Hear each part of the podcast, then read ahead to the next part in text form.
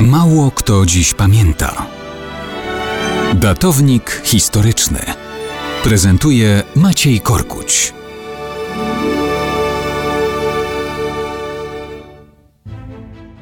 Mało kto dziś pamięta, że 5 maja 1846 roku urodził się Henryk Sienkiewicz.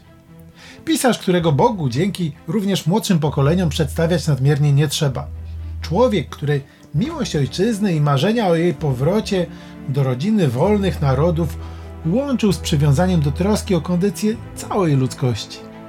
Urodził się niestety w granicach największego państwa świata, które już pół wieku trzymało pod butem Polaków.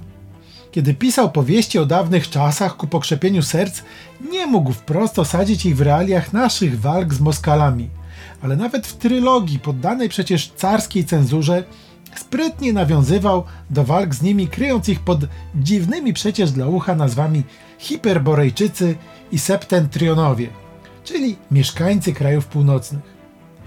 Kiedy w rozmowie z Kmicicem Bogusław Radziwił w potopie wymienia wszystkich wrogów Rzeczypospolitej, wylicza Szwedzi, Tatarzy, Chmielnicki, Hiperborejczykowie, elektor brandenburski i kto żyw naokoło.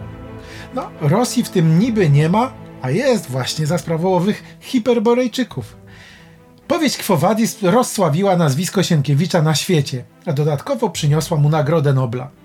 Służył on Polsce piórem, ale jak było trzeba, to w czasie I wojny światowej tworzył w Szwajcarii z Paderewskim Komitet Generalny Pomocy Ofiarom Wojny w Polsce.